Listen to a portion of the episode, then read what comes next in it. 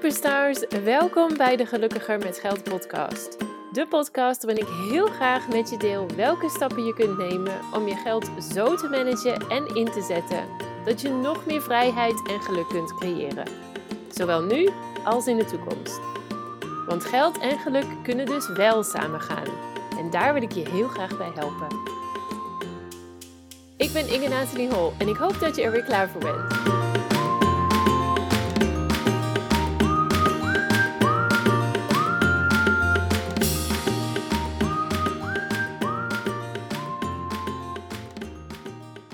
Hallo lieve luisteraar, leuk dat je weer luistert naar een nieuwe aflevering van de Gelukkiger met Geld podcast. Dit is aflevering 16 en ik ben net terug in Spanje na mijn uh, weekendje in Nederland.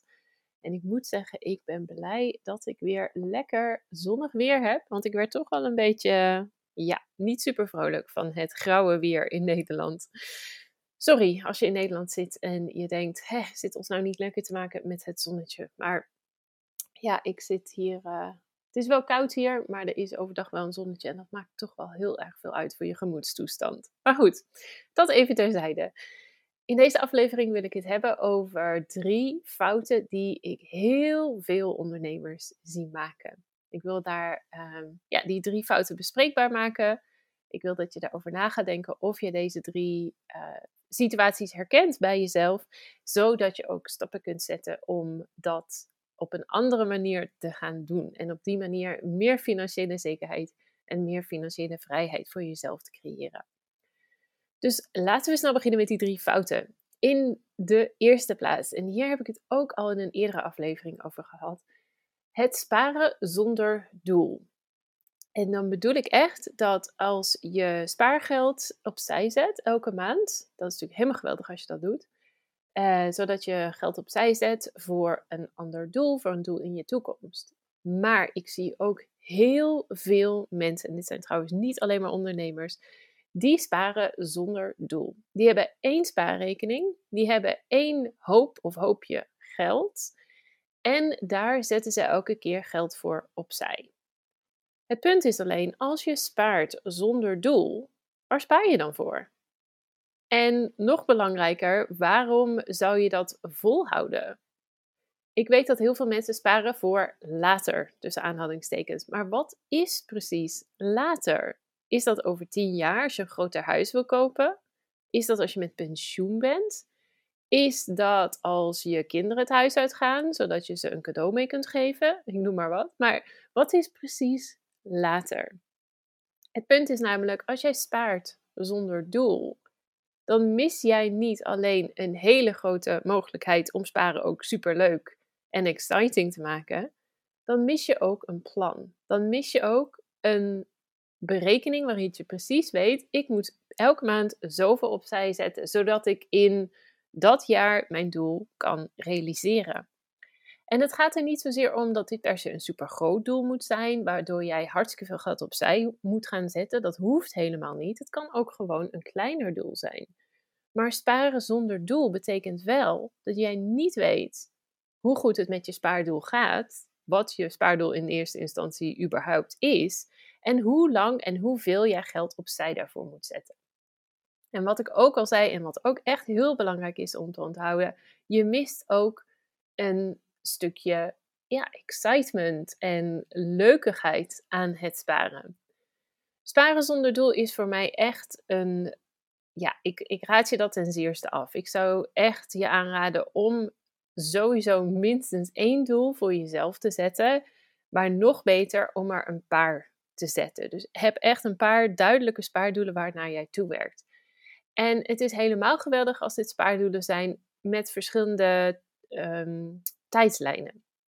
Dus dan bedoel ik mee iets wat je misschien over twee jaar wil realiseren. Bijvoorbeeld, nou, ik noem maar wat, hè, een droomvakantie of een nieuwe auto. Als ook iets over vijf jaar of tien jaar, als ook over twintig jaar. Nogmaals, dit zijn willekeurige uh, hoeveelheden tijd. Dus dat mag je zelf op jouw manier invullen.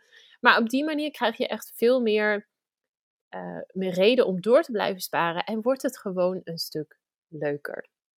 Je kunt verschillende spaardoelen uh, zetten door bijvoorbeeld verschillende spaarrekeningen te openen. Maar je kunt ook vaak bij veel spaarrekeningen verschillende potjes aanmaken. Zodat je precies kunt zien hoeveel geld je voor welk doel opzij hebt gezet. En op die manier kun je ook veel makkelijker berekenen hoeveel je nog opzij moet zetten en hoe lang het je nog gaat duren. En of dat je die nieuwe auto over twee jaar wel echt kunt kopen. Dus dat in eerste plaats. Dus bedenk echt even bij jezelf, ga echt even na, wat, waar wil ik precies voor sparen? Wat wil ik en over hoeveel tijd wil ik dat doel bereiken? Dat is de eerste fout die ik veel zie. Een tweede heel veel gemaakte fout is niet meer geld met je geld creëren. Ook hier heb ik het in eerdere afleveringen over gehad. Met name toen ik het heb gehad over beleggen in aflevering 10 en in aflevering 13 heb ik het daarover gehad. Maar dat hoeft niet per se via beleggen te zijn. Dat kan ook door te investeren in nieuwe mogelijkheden, door de crowdfunding, door ehm, te investeren in vastgoed bijvoorbeeld. Door, nou, je kunt op heel veel verschillende manieren meer geld met je geld creëren. Maar ook hier zie ik heel veel ondernemers die puur en alleen geld opzij zetten naar hun spaarrekening. En het punt met dat is dat je geen geld creëert.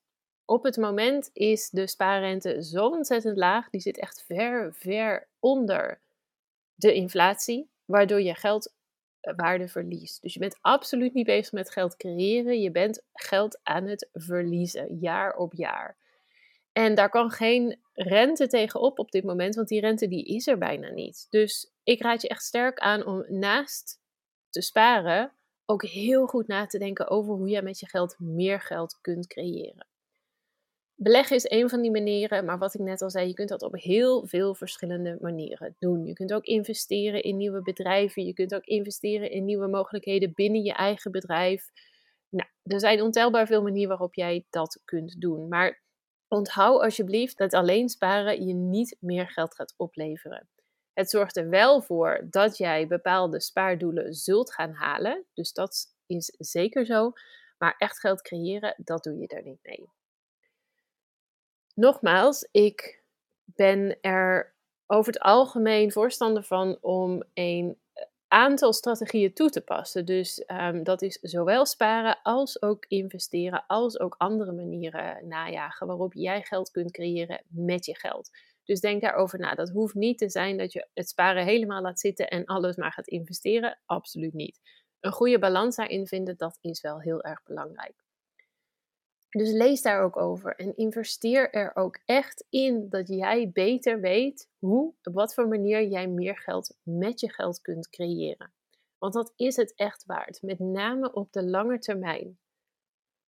Dus je moet er wel wat energie en aandacht in steken. Dat absoluut. Je moet er tijd in stoppen, zodat je weet hoe of wat. Je kunt ook met iemand samenwerken die je daarbij kan helpen, die je daarbij kan adviseren en die je kan helpen een persoonlijk plan op te stellen over hoe je met je geld dus meer geld kunt creëren. Maar onthoud alsjeblieft dat als je alleen maar spaart, dat je dan niet meer geld aan het creëren bent.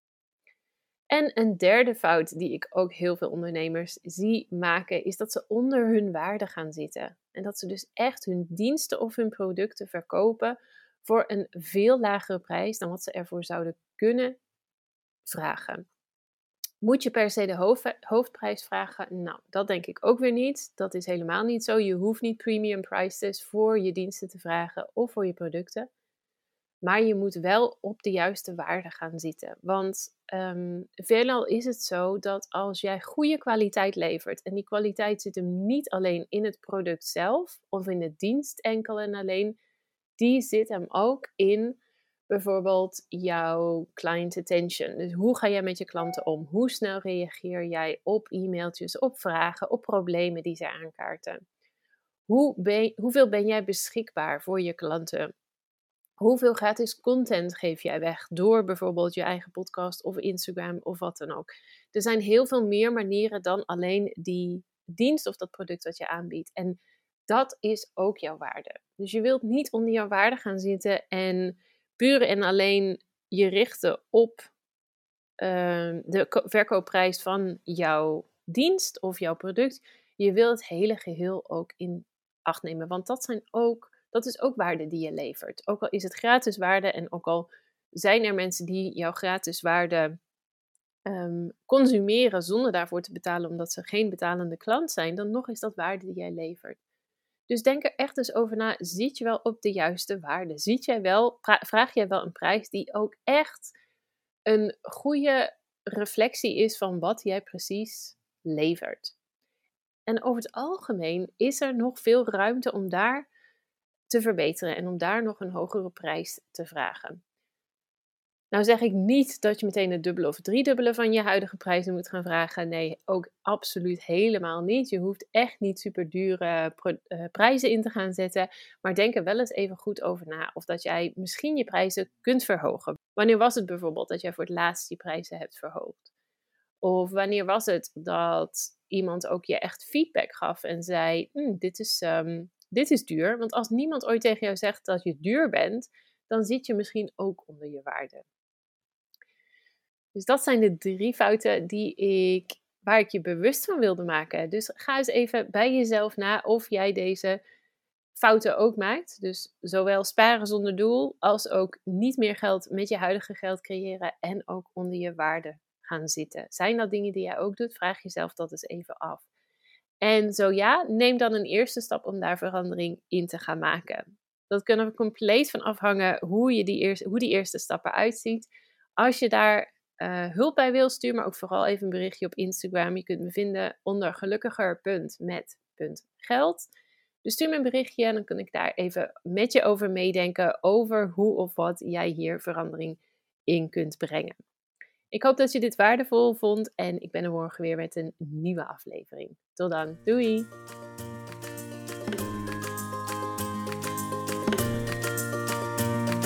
Dankjewel weer voor het luisteren naar deze aflevering van de Gelukkiger met Geld podcast. Ik hoop dat je er heel veel waarde uit hebt kunnen halen en ik zou het dan ook super leuk vinden als je deze aflevering kunt delen op Instagram.